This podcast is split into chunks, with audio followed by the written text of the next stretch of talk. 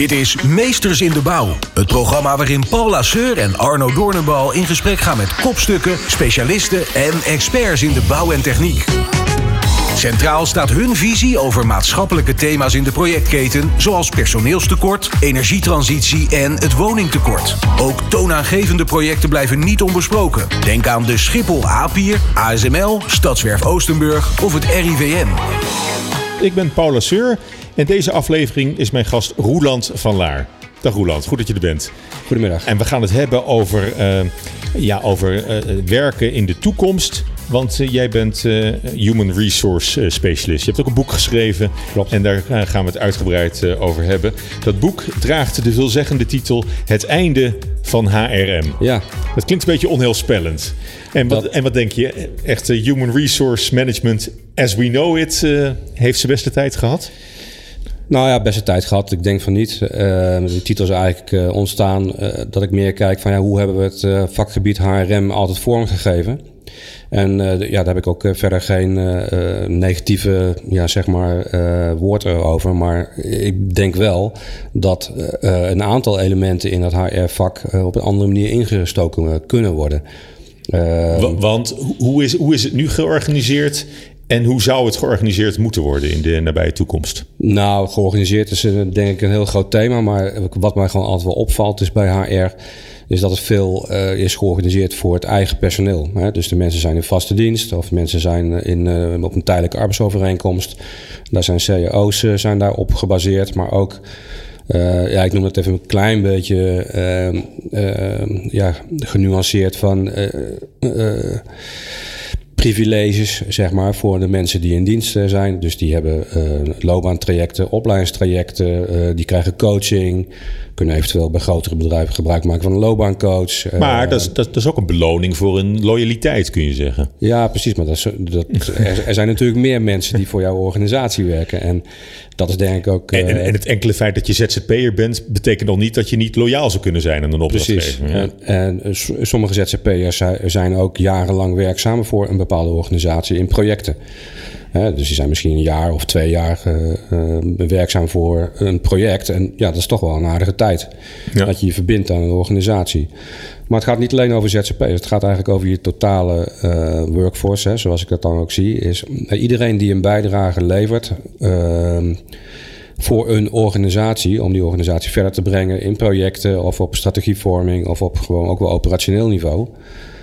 Uh, die totale populatie die moet je integraal gaan uh, bekijken met elkaar. En ik vind dat HR daar de regie op kan, mm-hmm. eigenlijk wel moet pakken. Maar, maar daar begint het dus mee, zeg je. Als organisatie moet je vooral kijken van wie uh, zorgen er eigenlijk allemaal met elkaar voor, ja. nog buiten de mensen die in vaste dienst zijn, dat de organisatie goed draait. Ja, precies. En dan kijk je ook wel hoe het werk moet worden gedaan. Hè? Van, je gaat veel meer kijken naar hoe kan je het werk doen en hoe kan het werk uitgevoerd worden. En dan zie je dat het op projectmatig uh, gebied uh, kan worden gedaan. Of op een basis van, van een. Ja, dat het meer een regulier, hè, dus eigenlijk ongoing business is. Dat je veel meer gaat kijken ook hoe ga je dat organiseren. En ga je werk uitbesteden. Of ga je werk zelf doen. Of ga je dat door middel van een opdrachtovereenkomst doen. Hè, statement of work detachering of op uitzenden. Dus het, is helemaal te het heeft helemaal te maken van hoe je hele totaal werkpakket uh, ja, moet worden vormgegeven. Het, het, gaat, het, gaat allemaal om de mix, eh, zeg je eigenlijk het ook. Het gaat om, je, om de mix. Je, je, je, kan niet meer vooruit met, met de ouderwetse manier waarop je eigenlijk nee. iedereen in vaste dienst hebt. En heel af en toe iemand is op een projectje binnenhaalt. Nou, precies. En dat je dus ook... Uh, Misschien, als ik dan hardop denk, is dat het tijdelijke stuk, hè, misschien is het helemaal niet meer tijdelijk. En eigenlijk Here is to stay. Het is eigenlijk een continuïteit van tijdelijkheid. Ja. He, dus dat je ook. Het zijn heel veel tijdelijkheden geschakeld eigenlijk. Het is uh, tijdelijk aan elkaar geschakeld. En, maar ook als organisatie wil je natuurlijk kunnen opschalen of afschalen. Afhankelijk van. dus de, je, je, hebt meer dan ooit misschien die flexibele schil nodig. Ja, precies. Maar misschien moet je niet meer in flexibele schilachtige vormen denken. Maar dat je een, een, een continu ja, zeg maar, uh, inhoudelijk uh, kijkt naar je workforce. Mm En daaronder is die contractvorm is dan eigenlijk uh, ondergeschikt. je moet eigenlijk ademen hè, als bedrijf. Je, moet, ademen. Het, zijn de longen van de organisatie die, die zich, die zich uit, uitdijen en weer inkrimpen. Precies, maar dat betekent ook dat je voor de lange termijn... dat je moet gaan weten van ja, hoe ziet je lange termijn eruit. Hè? Dus je, misschien ja, voor technische organisaties is dat wel makkelijker soms... omdat je met orderportefeuilles werkt... Maar je moet wel uh, werken met scenario's en werken vanuit je workforce planning.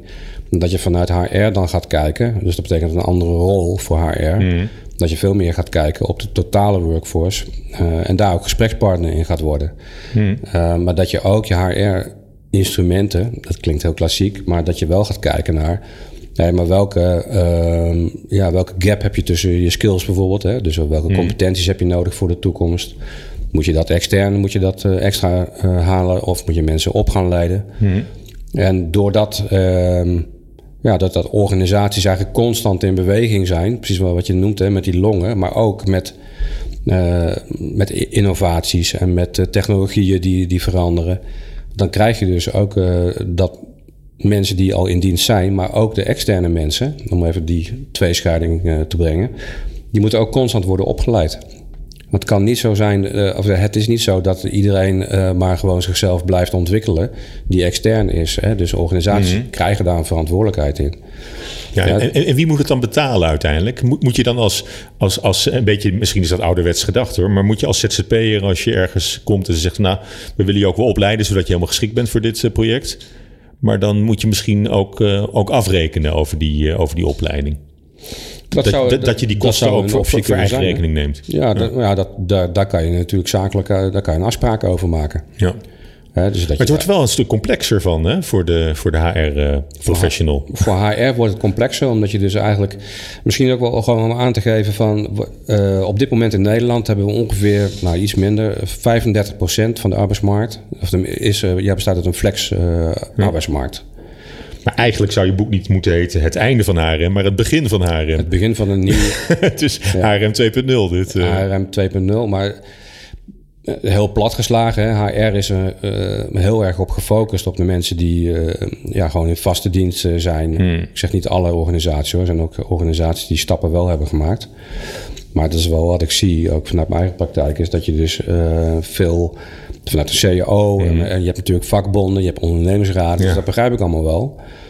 Maar de arbeidsmarkt is veranderd. Ja. Die zijn de afgelopen tien jaar is die veel diverser samengesteld.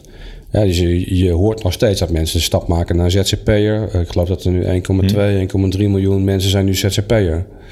Ja. Dat is best wel wat. En uh, als je ook kijkt, dan wil ik het nog ingewikkelder maken... is dat je ook kijkt dat de nieuwe generaties die nu op de arbeidsmarkt komen...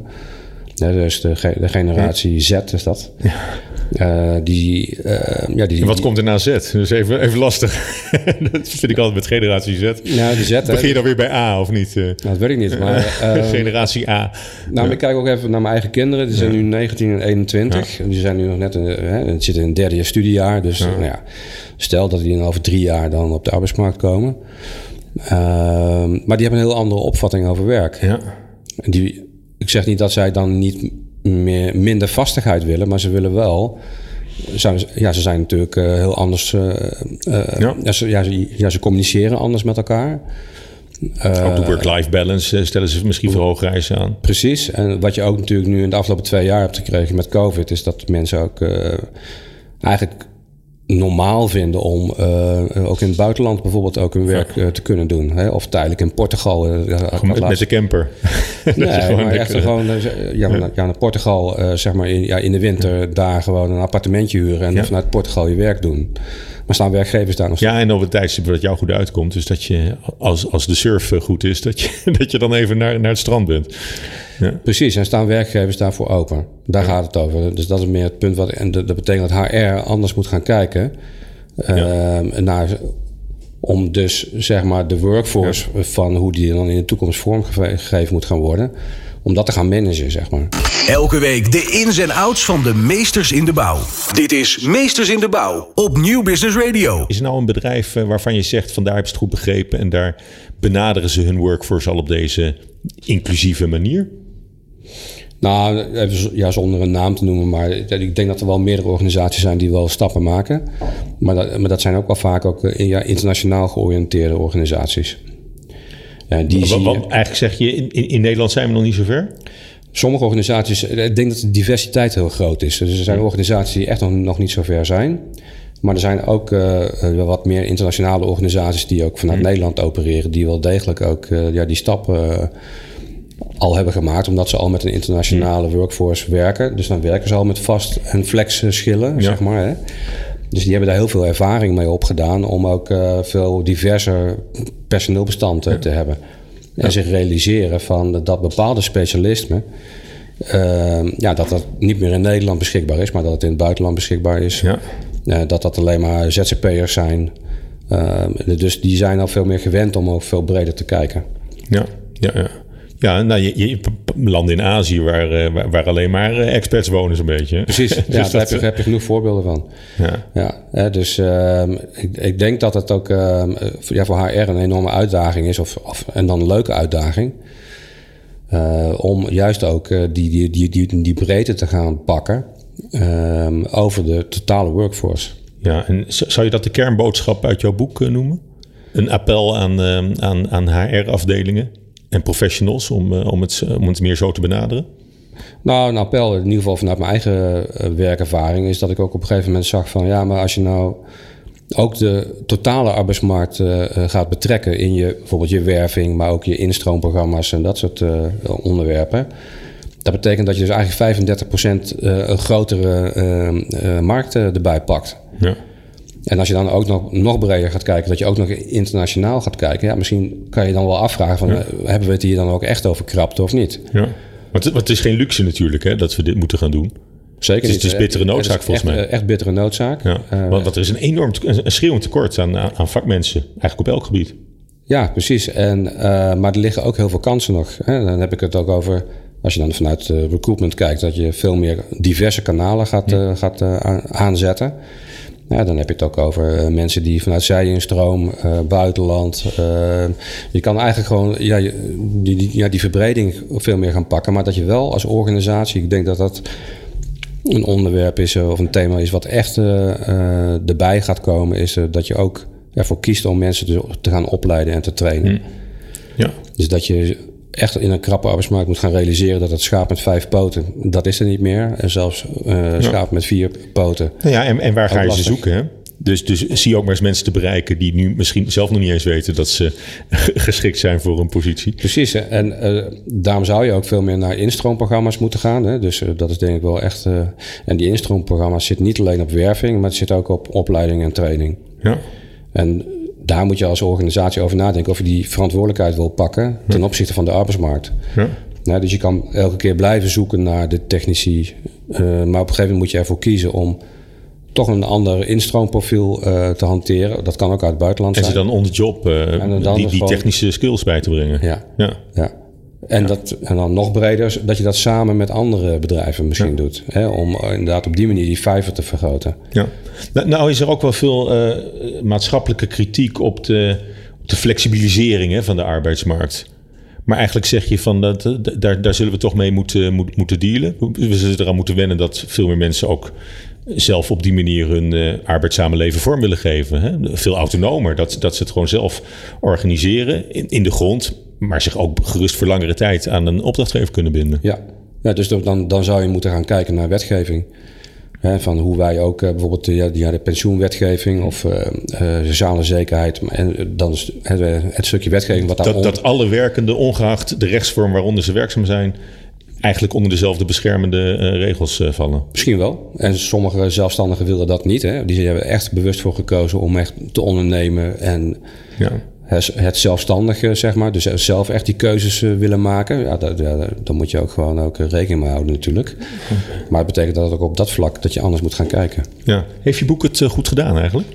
Was het een succes? Of? Nou ja, ik vind het. Uh, ik, ik, ik ben niet. Het is natuurlijk geweldig om een boek te, te, schrijven. Nee, maar, maar, komt je boodschap een beetje over? Dus uh, is de vraag. Hoe, nou ja, hoe zie je het voor je de komende jaren? Ik eh, denk, uh, en, dat, en dat, dat is het ook gewoon wel natuurlijk ja, de interesse die je dan op een gegeven moment uh, ziet. denk ik dat ik niet mag klagen. Ja. Ehm, het is ook wel een soort missie ook. Hè, van, Ja, maar is- heb je ook het gevoel dat, dat de markt een beetje rijp is voor jouw boodschap? Eh, ik, nou ja, ik, ik hoop van wel. ja, ik denk van wel. En ik denk dat de Ja, je hoeft niet bescheiden te zijn hoor. Dat, nee, eh, maar wat ik wel zie is dat organisaties zich nu wel nadenken over van... hé, hey, maar het, ja, ik zeg altijd van, er moet, een, er moet een urgentie zijn. ja. En die urgentie zit nu op dit moment op die krapte van de arbeidsmarkt. Ja, dat, dat, dat, is echt, het- dat is echt het belangrijkste. Nou, dus, hè, dus gegeven. krapte op de arbeidsmarkt. En eh, een andere urgentie die ik ook echt zie is eh, de skill gap, zeg maar. ja. Hè, dus de mensen moeten zich ook gaan omscholen en bijscholen. Ja. En dat zit met name ook ja, in, in IT-skills of in, in nieuwe skills, zeg maar, voor de, voor de, voor de komende jaren. En ja, daar moeten heel veel mensen moeten daaraan. Ook, ook, ook jij en ik, zeg maar. Ja. En er zijn er nog een paar grote trends, hè, of, of lange trends. Eh, Dat is de, de automatisering, hè, de robotisering. Precies. En we hebben de demografische trends, die natuurlijk ook, eh, hè, de, de vergrijzing waar we het al eerder over, eh, over Ja. hadden. Ja, dus je hebt een heel eh, ja, een aantal eh, panelen die aan het schuiven zijn. Dus en de skills. Dus dat betekent dat mensen zich echt moeten gaan bijscholen vanaf nu. Dat, dat, dat moeten mensen zich echt gaan realiseren. Of omscholen zelfs. Hè? En dat je inderdaad de organisaties echt veel meer met scenario's moeten werken. Dus echt vanuit workforce planning. En enigszins gewoon proberen daar toch wat mee te gaan doen. En die doorkijk te maken om daar dan keuzes op te gaan maken. Ja. En eh, wat ik ook wel zie, is dat organisaties zich ook moeten realiseren van de mensen die voor jou werken, vast en flex, op welke contractvorm dan ook, die moet je wel betrokken houden. Ja. Dus je kan daar niet meer makkelijk over eh, nadenken van nee, maar dat is een uitzendkracht en die heb ik nu nodig. Maar betrokken, hoef- betrokken houden. en daar hoef dat- ik niet zoveel mee te doen, want dat is, dat is een soort, eh, hoe zeg je dat? eh, ja, ja, dat is een transactionele, zeg maar. eh, Ja, een huurling. bijna een huurling, inderdaad. Dus daar hoef ik niet zoveel mee te doen. Maar nee, maar als organisatie moet je realiseren dat de mensen dus ook andere wensen hebben die veel Ja. Kritischer zijn. En maar ook veel meer, eh, ja, veel eisender zijn waar, waar zij willen gaan werken. En hoe belangrijk is ehm, ehm, employer branding eh, daarin? Dat je, dat je ook een uitstraling hebt als een, als een soort eh, ja, een hip bedrijf, wat, wat cool is om voor te werken.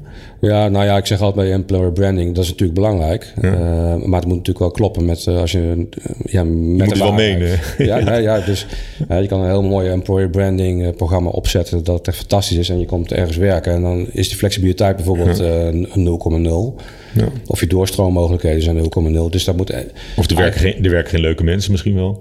Nou ja, Dus je kan ook wel gewoon een verkeerde sfeer. eh, Nou, het gaat erom dat je dus ook dat soort dingen integraal gaat bekijken. Ja. Hè, dus niet alleen je workforce moet je integraal... Total workforce management is een integraal manier van kijken. Maar het gaat er ook om dat je je programma's... dus je employer branding staat niet los van je doorstroomprogramma's. Dus je HR-beleid. ja. Eh, employer branding staat niet los van hoe ga je je recruitment marketing eh, organiseren. Hoe ga je je talent management, dus je opvolgingsplanning. Dus eh, je ziet dat het steeds veel complexer wordt. Ja. Maar je moet het. eh, vandaar dat ik zeg van HR moet zich veel meer gaan verdiepen in andere vakgebieden die daarnaast liggen. Dus IT-skills, inkoopskills, maar ook eh, marketing skills zou ik bijna zeggen. Ja, dus HR wordt misschien wel meer marketing. Nou, dat is geestig. Ja, mooi dat je dat zegt. Ja. We, we, hebben, ehm, nou, we hebben het over, over, je, over je boek eh, gehad, maar er is al een opvolger in de pen, hè? Nou ja, ik ben aan het nadenken. Dat is altijd, hè, als je op een gegeven moment... eh, het is af en ik weet niet of dat voor iedereen geldt... maar ik merkte wel van... hé, hey, maar er zijn mensen die zijn geïnteresseerd in dit boek.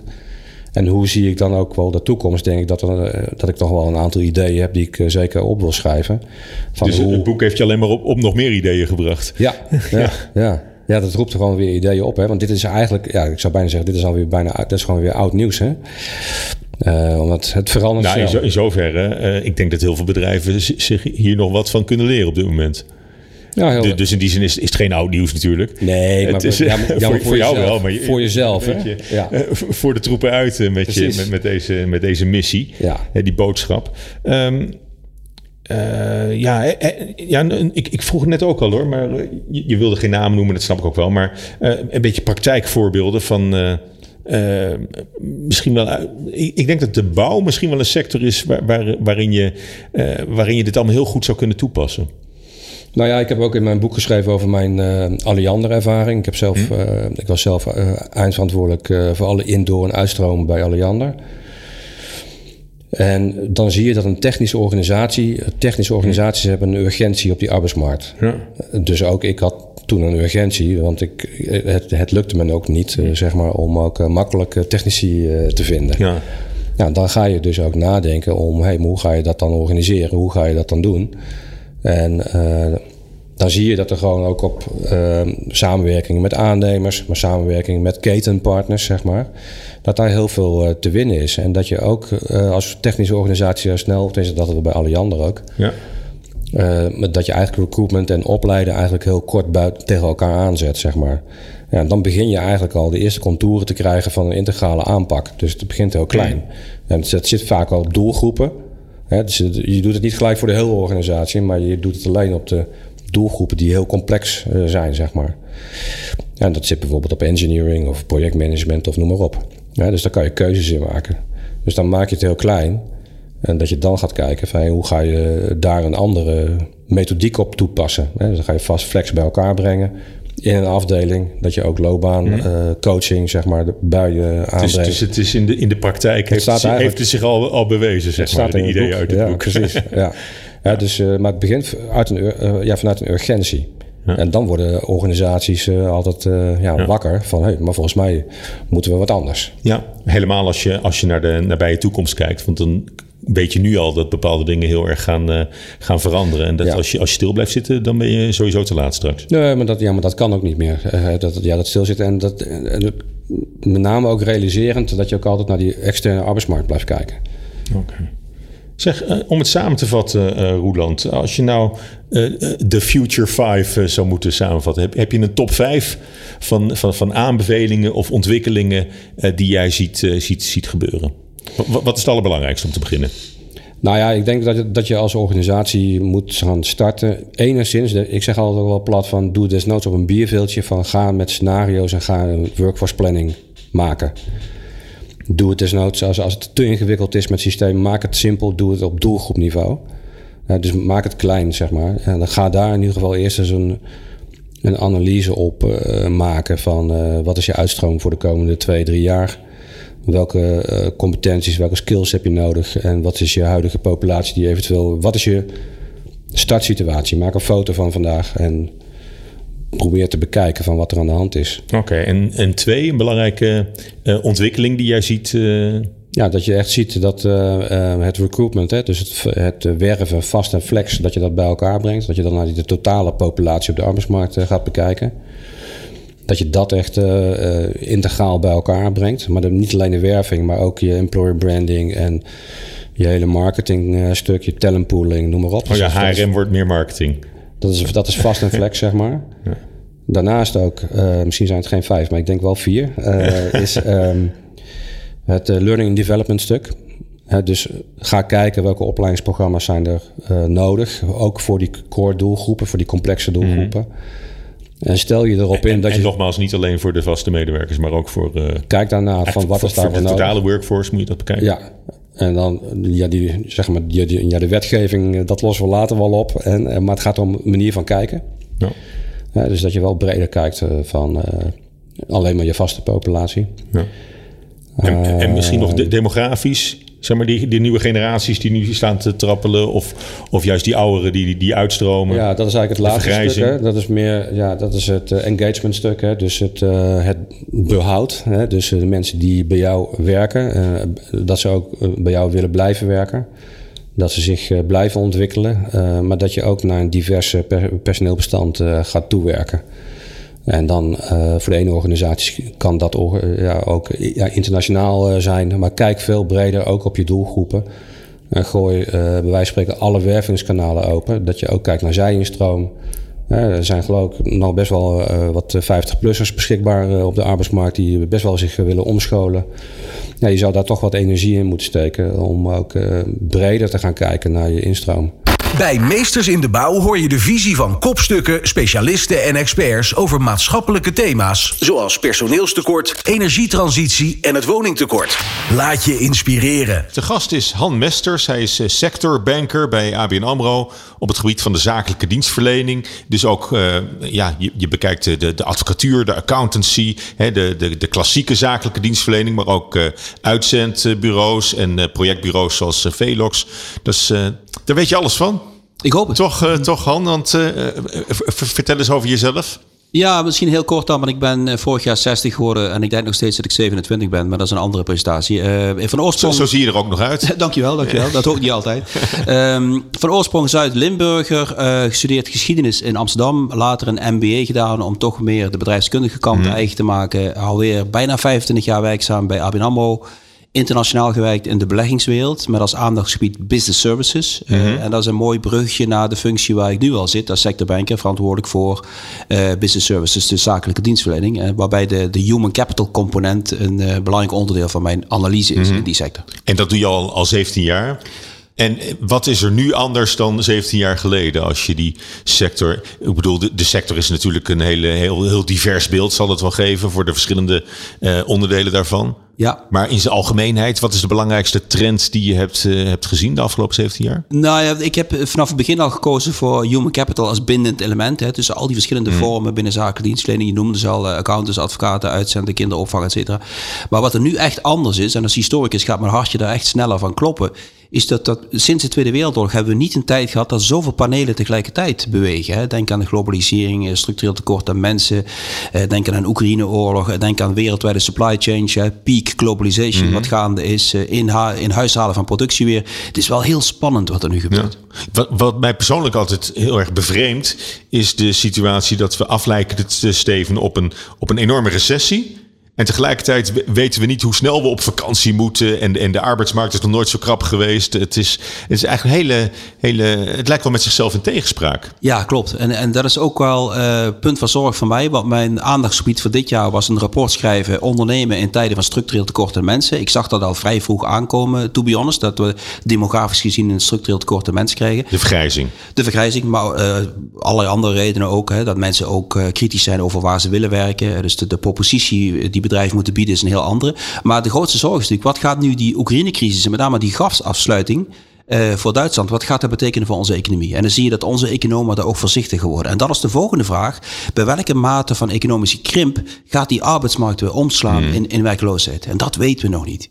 Ja, maar dit, dat, dat moment zit er wel aan te komen?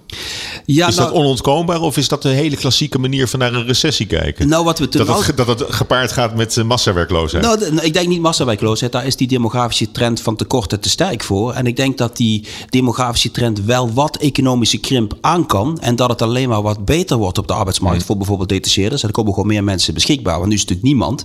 Maar er komt natuurlijk een punt, is het bij min 3% of min 4% groei, waarbij we echt weer een omslagpunt krijgen naar werkloosheid. En dat mm. weet ik nog niet waar dat omslagpunt zit.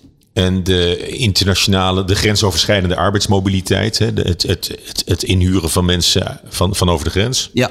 Is dat iets wat we veel meer gaan zien en veel makkelijker? En ook het ene jaar wel, het andere jaar weer wat minder. Nou ja, dat is onderdeel van de vier strategieën die je hebt om uh, die tekort het hoofd te kunnen bieden. En uh, ik heb veel rapporten geschreven over arbeidsmigranten, zeg maar de Polen die hier komen werken. Dan zie je dat dat toch moeilijker wordt om die mensen hm. hier te krijgen. Uh, onder meer ook omdat Duitsland de lonen significant heeft verhoogd. Ook met een structureel tekort zit en, en ook vraagt aan die mensen om te komen en te blijven. Ze zitten natuurlijk geografisch wat dichter bij hm. Duitsland dan bij ons. Hè. Dus de tuinbouwsector gaat het nog moeilijk krijgen. En andere industrie takken van sport hm. om, om arbeidsmigranten migranten aan te trekken. En we hebben natuurlijk ook een rapport gehad van, van allerlei commissies, hè, uh, dat met de huisvesting en hoe we met arbeidsmigranten omgaan, uh, niet altijd de schoonheidsprijs mm. krijgt. Hè. Wat voor, als, voor ons als bank zeg maar, weer een belangrijk aandachtspunt is, omdat we steeds meer een maatschappelijk gedreven organisatie worden.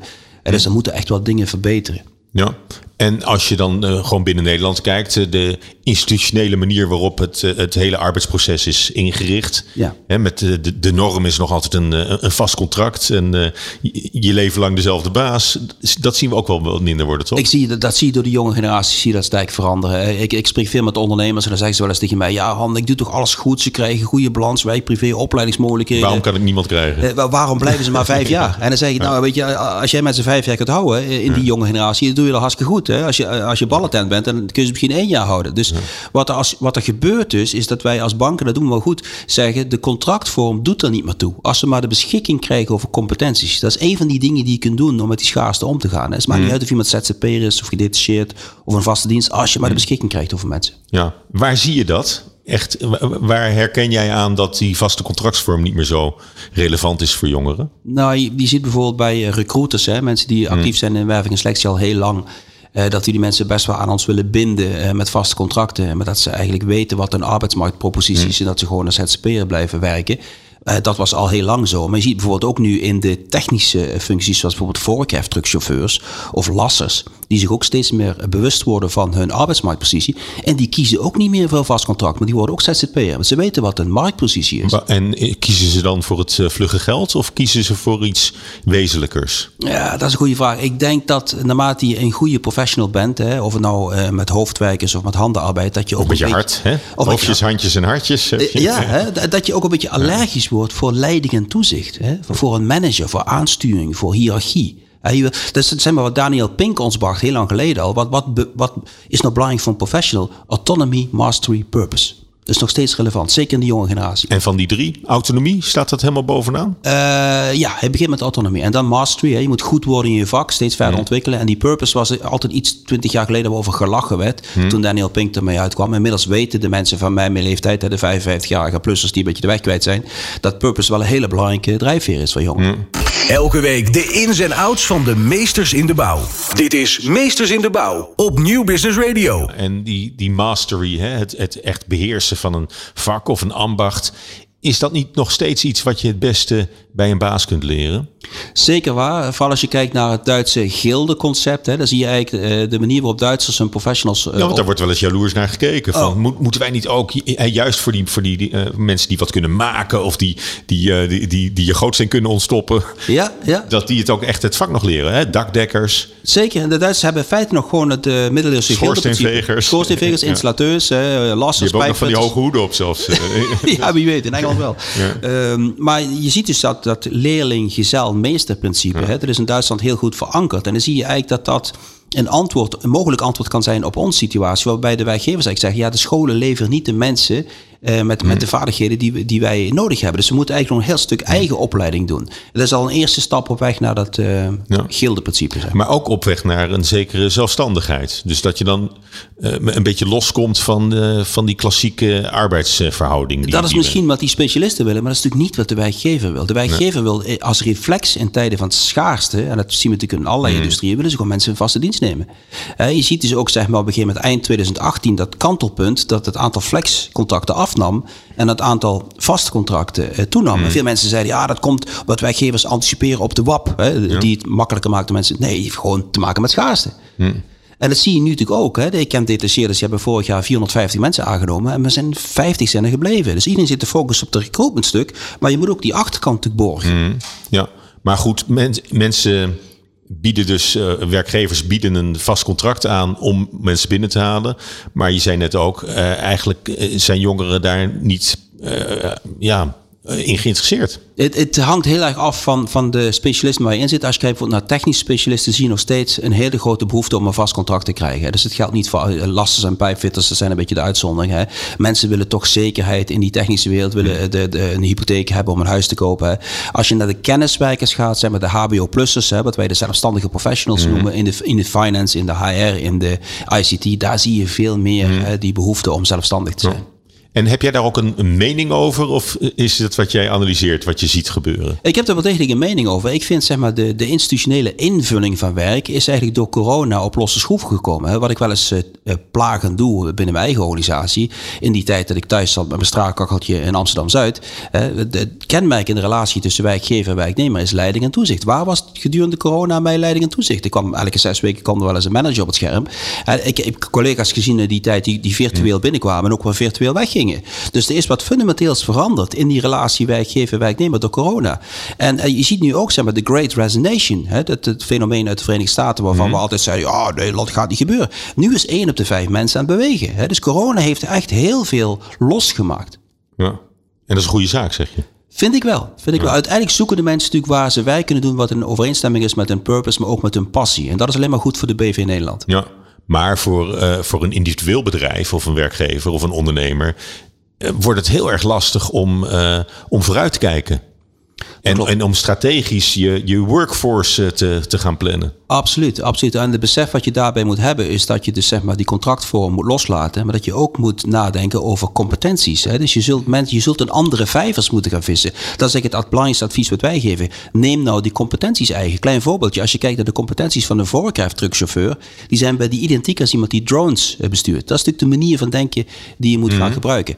Uh, en tegelijkertijd, en dat is, het, dat is de moeilijkste discussie, als je mensen echt wil houden van de jonge generatie, zul je een soort van balans moeten vinden tussen hun eigen bucketlist en KPI's en wat ze nog willen leven willen en wat het bedrijf wil. En als je daar ergens een verbinding kunt uh, leggen, dan, dan kun je ze langer houden. Ja. Nou heb ik het idee van de, van de zakelijke dienstverleningen, waar, waar jij veel van af weet, dat we daar ook te veel managers hebben opgeleid. We hebben een soort waterhoofd hè, als, als samenleving. En waar zijn alle volgers die al die leiders moeten, moeten volgen? Hè, die, het, die het werk moeten doen. Nee, dat is zeker waar. En uh, je ziet ook bij veel bedrijven dat de carrière-lijnen nog steeds via management lopen. Hè, wat ik volledig achterhaal. Dus laten we eerlijk zijn, dit is een wereld van professionals. Ofwel professionals die met hun hoofd werken, of professionals die met hun handen werken. En daar past natuurlijk een heel andere aansturing bij. Dus die, die hiërarchische aansturing is een van de grote fouten uit de 19e eeuw die we krampachtig maar meenemen. En, en dat werkt desastreus. Hè. De socioloog Weber heeft in de 19e eeuw al had hij het over alienation. Hè, van hoe het is. Vervreemding. vervreemding, hè, hoe het is om zo'n grote organisatie te werken. Dus ik denk dat we op, op weg zijn naar een post-institutionele wereld, hè, waarbij de norm zal zijn de Dunbar number. En, Dunbar was een cultureel antropoloog, mhm. die heeft onderzoek gedaan naar hoe mensen vroeger in prehistorie uh, leefden. En dan kwam die steeds het getal 140 tegen. En het blijkt dus hè, dat we met 140 mensen een persoonlijke relatie kunnen onderhouden. Hè, misschien van ik uh, 100 als Limburger, maar jullie 140. Hè. Wat meer kunnen wij niet aan met ons mhm. brein. En dat wordt de blauwdruk voor het nieuwe werken. 140 man, that's it. Eh, kleinere organisaties. Kleine organisaties. En, uh, maar, maar die zullen dan ook moeten gaan samenwerken met andere organisaties. Zeker. Maar dus je kan er niet meer alleen. Dat klopt, maar je ziet dus uh, fluïde netwerken van ZZP'ers eigenlijk al een soort van organisatievorm worden, hè, wat niet institutioneel is. En je zult ook zien hè, dat, dat die kleinere organisaties, hè, noem het Cel gebaseerd of Edgar Winsen gebaseerd vanuit BSO, dat die ook veel meer in netwerkverbanden zullen opereren. Ja, ja. Ja, dat, dat, dat, dat zeg je nu. Maar zie je dat nu al gebeuren? Of is dat wat jij verwacht uh, in, in de toekomst? Nou, ik zie bijvoorbeeld als je kijkt naar uh, bedrijven als uh, Adyen, is een mooi voorbeeld. Hè? Um, daar zie je eigenlijk dat ze niet via hiërarchie aansturen, maar eigenlijk vanuit de Adyen Principles. Hmm. eigenlijk gewoon een, bepaalde omgangsvormen van wat, wat je met elkaar afspreekt. En, en Pieter van der Doest, die was ik laatst bij een lezing, die zei, vond wel echt indrukwekkend, die zei, ja weet je, we nemen gewoon de slimste mensen aan die er zijn, zoek het lekker zelf uit. En als er geëscaleerd moet worden, dan, dan weet je wat je hmm. Ja, dat vind ik wel heel verfrissend. Hè? Dus coördinatie op basis van cultuurwaarden. Ja, maar de slimste mensen aannemen, dat is niet iedereen gegeven natuurlijk. Nee. Als je minder succesvol bent als, als onderneming, heb je, krijg je er nog een enorm probleem bij. Namelijk om, om mensen te interesseren voor, jou, uh, voor jouw organisatie. Absoluut. Dus daarom uh, komen we bij de constatering dat in die wereld van schaarste je bedrijfscultuur wordt die unique selling point. Hmm. Dus weet je hoe je cultuur eruit ziet? Heb je een nulmeting gedaan? Weet je waar je heen wil met je cultuur en hoe je dat gaat laden? En dan kom je natuurlijk bij het volgende constatering dat het senior management daar een hele belangrijke rol bij speelt. Hè, bij het hmm. vormgeven van die cultuur. En dat is natuurlijk in de klassieke dienstverlening, accountancy, consultancy, met name advocatuur, is dat natuurlijk een beetje het uh, pijnpuntje. Ja, waar, waar doet het pijn? Waar wringt dat? Nou, ik, ik denk dat die takken van sport van nature nog heel hiërarchisch zijn. Nog heel masculien, nog heel erg bottom line, blauw, op, op uh, winst uh, gebaseerd. Mhm. En dat is natuurlijk niet altijd de ideale cultuur voor jong talent. Jouw eerste stelling, structurele schaarste aan mensen. Die zorgt ervoor dat bedrijfscultuur een unique selling point wordt. Dat is wat, je, wat je net aangeeft. Absoluut, daar hebben we het net al over gehad. En, en dat besef begint langzaam door te dringen. En, en, dat betekent nog wat ook voor je strategische personeelsplanning. Hè. Dus als die jonge mensen A veel minder lang blijven. En cultuur wordt je unique selling point. Hoe ga je dan vanuit je strategische personeelsplanning zorgen dat je de voldoende mensen uh, krijgt? Nou, wat je dus zult doen, is, is dat je, wat je moet doen, is dat je contracten individueel moet vormgeven. En dat, dat botst met de CAO. De CAO is een heel grof geschutwapen om mensen, hmm. mensen happy te maken in hun werk. Je zult dat veel meer moeten individualiseren. Je moet dus weten wat zijn de persoonlijke drijfveren van mensen en daar als bedrijf op anticiperen. Ik heb heel vaak uh, gesprekken met advocaten. Daar zegt iemand, ik wil een wereldreis maken van zes maanden. En dan zegt zo'n advocaat, ja, sorry, dat, dat gaan we niet hmm. faciliteren. Maar als je dat wel doet, en ze komen terug eh, dan heb je natuurlijk wel een, een vriend voor leven. Eh, maar het probleem is dat het te kosten gaat in de meeste gevallen van je verdienmodel. En Dus die schaarste moet eigenlijk nog zo pijnlijk worden dat mensen wel die stap gaan doen en genoegen nemen met een lager verdienmodel, maar wel om de mensen binnen te houden die verbinding maken. Dus persoonlijke KPI's in bedrijven. Nou, dat is een interessant voorbeeld natuurlijk wat je, wat je geeft hè, van iemand die wereldreis wil maken of wat dan ook. Het, het zijn vooral dertigers, hè, die, die, die krijgen ook kinderen, die beginnen een gezin. En dat zijn ook de jaren waarin je het allerhardst moet werken Ja. of geacht wordt te werken. Maar dat, dat, dat kan dus niet meer. Nee, dat is natuurlijk heel raar. Hè? Dan zie je ook al die burn-out en die stress die daarmee gepaard gaat. Mijn vrouw was gelukkig fulltime mommy, want ik ben ook niet zo blauw dat ik dat allemaal goed had kunnen regelen. Ben ik wel blij om. Dan mag geen wintersport. Hè? Maar neem bijvoorbeeld mij. Ik ben nou 60. Hè? Ik heb geen kinderen meer die van de schommel vallen, dat ik alles moet laten vallen en dat de- naar de school moet gaan. Mijn kinderen zijn redelijk volwassen. Ik, ik ben nog nooit in mijn leven zo productief geweest. En toch zegt de arbeidsmarkt, ja, boven de 45, dat telt niet meer mee. Dat is natuurlijk absurd. Hè? Juist, juist nu zou je eh, gebruik moeten maken van mensen van mijn generatie. Ja. En bedrijfscultuur kan daar een antwoord op eh, geven. Denk ik. Absoluut. Ja. Employer branding dan. Employer branding is natuurlijk ook wel Even interessant. het, het begrip employer branding. Ja, dus- wat, wat houdt dat in voor jou? Nou ja, hoe je als werkgever bekend staat. Hè? Je hebt zeg maar corporate branding. Wat je Hoe je in de arbeidsmarkt staat. Zeg Hoe je in de arbeidsmarkt staat. Waarom mensen bij jou willen komen werken. Absoluut. En wat je daarvan moet realiseren is dat er eh, volkomen transparantie is. Hè? Dus je kunt zeg maar aan je corporate branding, hè, wat je als bedrijf naar buiten gooit. We zijn een fantastisch bedrijf met unieke carrière mogelijkheden. Je kunt naar het buitenland, de salaris is goed. Maar Dat, dat overlapt toch wel een beetje? als het goed is, Co- Corporate branding is toch ook eh, employer branding? Als het goed is wel. Maar wat je dus ziet is dat de corporate branding niet overeenkomt met hoe, hoe jij als werkgever wordt ervaren. En je ziet dus eh, zeg maar, eh, sites zoals Glassdoor, eh, waar, je, waar je testimonies kunt hebben, getuigenissen van mensen die ergens werken. En dat kan soms heel pijnlijk zijn. En dan zie je dus echt die kloof tussen hoe je als bedrijf communiceert en hoe mensen het ervaren. En dat kun je niet meer veroorloven. Ja. Heb je daar voorbeelden van of niet? Nou ja, ik weet Je, je hebt natuurlijk die hele grote bedrijven gehad, hè? zoals dat er ineens verhalen naar buiten komen dat het, eh, dat het bij Amazon zo'n rotzooi is of zo. Hè? In, in, in de back-office of in de, in de warehouses. En, eh, Ja, precies. eh, ter- terwijl we het allemaal een fijn bedrijf vinden, omdat ze, omdat ze zo, Dat is een mooi voorbeeld, ja. Mensen hebben daar omdat ze weinig zo op tijd. de voorgrond staan. Ja. Mensen hadden er zelfs weinig tijd om naar de toilet te gaan. En we zullen maar de details besparen. Maar om jou een concreet voorbeeld te geven. Er is een grote softwareleverancier eh, en, en handjesleverancier. Zeg maar een consultant op het gebied van ICT. die had tijdens de recruitmentdagen allemaal jonge mensen en de raad van bestuur eh, eh, met elkaar verbonden. En dat was allemaal je en jij en heel gezellig. En op een gegeven moment waren ze in dienst bij dat bedrijf. En dan zaten ze ook e-mailtjes sturen. Hey Piet, weet je nog? Ik zat in die... eh, en daar kregen ze nooit bericht op. Hè, Dat is, dat is overpromissen. En dat, dat werkt dan En tegen. underdeliver. En underdeliver, ja. ja, ja. Maatschappelijke impact wordt belangrijker dan winst maken. Dus purpose statement wordt, eh, wordt veel belangrijker nog. Dat is natuurlijk een beetje een vloekende kerk. Ik heb zeven jaar gewerkt in een zeg maar, klassiek Anglo-Saxisch onderdeel van de bank. Als vermogensbeheerder binnen asset management. En eh, heel veel te maken gehad met eh, zeg maar, maximizing shareholder wealth. Ik had er altijd al een raar gevoel bij. En als je dan zei van, er is er ook nog people and planet naast profit. En dan keken ze aan of, of je een communist, communist was natuurlijk. Hè. Maar, maar wat je nu ziet, als je van de afstand kijkt. Dat dat people planet stuk wordt belangrijker dan het profit stuk. En dat betekent nogal wat. Uit een oogpunt ook van, eh, eh, van, van duurzaamheid. In de zin dat een bedrijf Duurzaamheid. het, het langer gaat, eh, gaat redden. En maatschappelijke relevantie. Dus je maatschappelijke relevantie die is weer belangrijk om talent aan te trekken. Ik had laatst een presentatie met de CFO van Fairphone. En hij zei, wij betalen minder dan de markt, maar we krijgen toch toptalent. Vanwege onze hoge purpose. Ik ben een MBA-man, Master of Boxes and Arrows. Ik wist geen eens dat dat kwadrant bestond. Hè. Dus, dus zie je hoe belangrijk purpose is bij het aantrekken van talent. Ja. Dus die maatschappelijke impact. Is, is dat nog haalbaar voor, eh, voor, voor oude bedrijven? Bijvoorbeeld in de, in de, in de fossiele brandstofindustrie? Of, eh, eh, gaan, gaan die dat nog redden?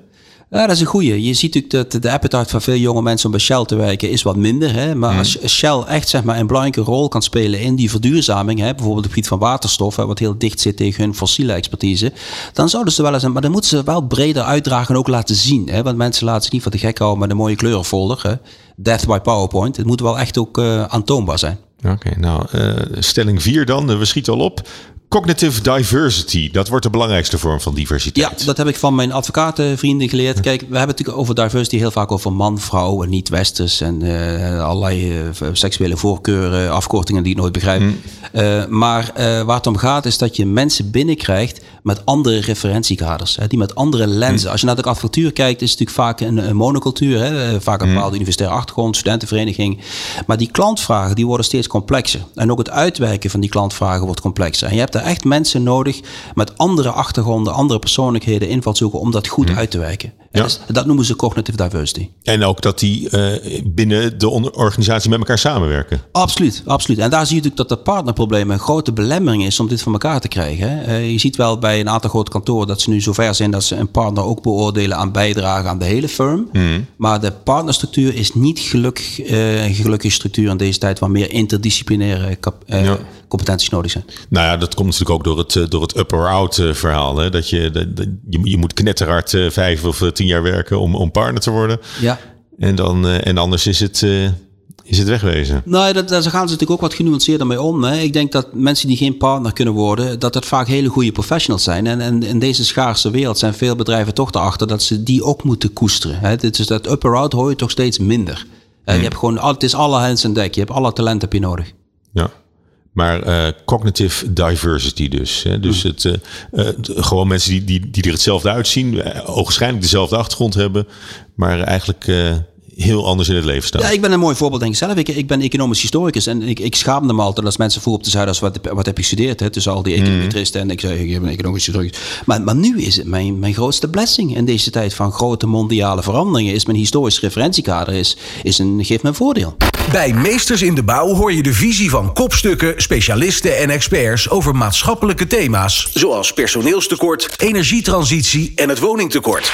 Laat je inspireren. Mantra voor management wordt rank is a responsibility, not a privilege. Zo is dat. Ja. Zo is dat. Nee, en ik heb het voorrecht dat ik mag meedenken met het ministerie van Defensie over de inrichting van de Defensieorganisatie in 2035. Mhm. En wat leer ik dan van die uh, militairen? Ik ben nog uh, van de generatie dat ik ook een dienst ben geweest. En ik heb er goede herinneringen aan, want ik vond het eten lekker. Mijn moeder kon niet zo goed koken, maar goed, dat is een andere podcast. Uh, maar en, en die, die officieren zeggen allemaal wat zij leren op het gebied van leiderschap. Het gaat niet om jou, het gaat om een team. Hè. Dus het is, je bent verantwoordelijk voor het meest kostbare wat we hebben, menselijk kapitaal. En wat zie je bij grote bedrijven, is het een privilege. Hè. Als je promotie maakt, krijg je grote auto en een kamer met hoogpolig tapijt, een ladeblok erbij, een secretaresse. Is het allemaal apenkool. Dus die competenties van, van management, die worden echt anders. He, dus het zit echt, zeg maar, selfless care en mutual trust zit er ook in. He, dus je moet oprechte belangstelling hebben voor mensen. En je moet ook een veilige omgeving creëren. Dat is misschien wel de belangrijkste uh, verantwoordelijkheid van management. En dus als je een organisatie hebt waar de coaching extern plaatsvindt, weet je dus dat er geen veilige omgeving is. Is de verantwoordelijkheid van de manager. Ja, en, maar worden organisaties daar platter mee? Ik denk het wel. Ik denk het wel. En je zult toch zien dat verloop. En dat is goed, dat moeten we ook willen. Moeten Absoluut. We, hiërarchie. Een hiërarchie moet worden, worden afgebouwd? Hiërarchie is een vloek. Is een, een 19e eeuwse machinebureaucratie, Weberiaanse ongelukkig. Mm Daar kun je allerlei onderzoeken over. Innovatie uh, gaat helemaal nergens heen. De, de stresshormonen nemen toe in hiërarchische settingen. Het is echt een vergissing uit het verleden. Ja. Maar uh, hoe uh, zie, zie dat maar eens om te buigen? Nou, in feite gebeurt het eigenlijk vanzelf. Hè. Dat, dat is wat ze noemen creative destruction. Uh, als je kijkt bijvoorbeeld naar de grote bedrijven in de AX en, en je kijkt hoeveel banen zij gecreëerd hebben en hoeveel van die bedrijven met kostenbesparingen bezig zijn, zie je eigenlijk dat die hiërarchische structuren gewoon uh, een beetje aan het afsterven zijn al ben benieuwd, uh, Han, wat de toekomst uh, gaat brengen en wat wij er allemaal nog van, uh, van gaan meemaken, of hoe snel het gaat. Want in zijn algemeenheid denk je dat die. Het, het, is natuurlijk heel onrustig in, in, in de wereld en er gebeurt van alles in heel korte tijd. de, de, de markt verandert voortdurend. Hoe snel denk je dat deze ontwikkelingen werkelijkheid worden? Uh, dit gaat heel snel en dat is leuk dat je dat zegt. Dat is een mooi bruggetje naar de scenario's waar ik nu mee bezig ben over uh, wat er gaat gebeuren tussen vijf en tien jaar van nu. En dan uh, heb ik twee assen. Eentje zeg maar economische groei of langdurige recessie. En de andere as zeg maar verdere desintegratie van Europa of juist zeg maar integratie van Europa. En mijn favoriete scenario wat eruit komt, dat zou je ook aanspreken, is European Renaissance. Hè? Dus mm. wij gaan het helemaal maken in die gekke wereld. Hè? Iedereen kijkt naar China, maar China is gewoon klaar. Dat allerlei redenen voor demografische ontwikkelingen, instabiliteit, jonge generatie. Verenigde Staten, als daar een Trump-achtige kloon komt, dan uh, is het ook klaar hè? De, met, mm. met, de banden met uh, Europa. Wij zijn de talent attraction machine geworden. Omdat we human rights serieus nemen. In tegenstelling tot grote delen van de wereld waar dat niet zo is. Dus ze komen allemaal naar ons toe. En ik heb tal van voorbeelden van mensen uit Colombia die hun huiswerk doen. Die zeggen, ik wil gewoon op drie plekken in de wereld werken. Amsterdam, Berlijn of Barcelona. That's it. Allemaal het oude Europa. Ja. en als economisch historicus uh, weet, jij, eh, weet jij daarvan? Dat is, ik uh, weet daarvan en er zit ook op tevens de bias in van dit scenario. ja, maar goed, het is wenselijk, maar ook, maar ook haalbaar, ook reëel? Ik denk het wel. Wat je ziet nu is dat de Europese integratie versnelt langs de hmm. militaire as. Hè. We worden dus weer bedreigd. We zullen onze defensie... Zweden, Finland bij de NAVO. Zeker, ja. En, en maar de Amerikanen ook nog natuurlijk. ja, nog wel. Hè. Maar die Amerikanen die gaan na Trump gaan ze toch toch een beetje ons niet meer vinden. Dus dan moeten we iets zelf verzinnen. Uh, je ziet dat die oorlog veel langer gaat duren dan we denken. Uh, en nog niet klaar is. Uh, Poetin heeft grootse plannen. en je ziet ook bijvoorbeeld dat er een autarkisch streven is binnen de EU. Er zijn nu al plannen binnen de EU om minder afhankelijk te worden van de hmm. Taiwanese chipproductie. Hè. Dus je ziet daar alle ingrediënten voor een vestung Europa. Misschien is dat niet het juiste woord. Combinatie van autarkie en, en zeg maar Europese hmm. renaissance. Ja. Eén aspect nog wat ik, uh, wat ik nog niet heb besproken. Um, althans niet met zoveel woorden, is de reskilling van management. Ja. Want je denkt eigenlijk met het, met het huidige management en de huidige management uh, theorieën en principes uh, en, die, die, de instituten gaan we het, eh, gaan we het ook niet, uh, niet mee uitzingen. Nee, er is een groot verschil tussen management en leiderschap natuurlijk. Hè. Ik denk dat managers uh, heel goed zijn in hun vak. Hè. KPI's en blauw en procesoptimalisatie. Maar kijk, je ziet bijvoorbeeld in allerlei recente managementliteratuur... dat de humanization van bedrijven prioriteit nummer één heeft. En dat betekent dat die competenties van managers... veel meer aan de intermenselijke kant moeten zetten. Hè. Dat is net wat ik net zei van die officieren. Uh, soft, soft, skills. Uh, soft skills. En dat weet natuurlijk al lang. Maar, maar uh, bedrijven moeten er ook echt op gaan handelen. Hè. Want wat je ziet is dat... waarom gaan bedrijven, mensen weg bij bedrijven? Twee redenen. Ofwel vanwege management of vanwege de cultuur. Dus dat moet je aanpakken als je het bloeden wilt stoppen. We hebben een poging gedaan alvast met deze Future 5 van Han Mesters. Hartelijk dank voor je bijdrage aan deze serie. En luisteraars, allemaal dank voor het luisteren. Graag tot de volgende keer. Dank voor het luisteren naar Meesters in de Bouw. Wil je meer weten over Meesters in de Bouw? Ga naar meestersindebouw.nl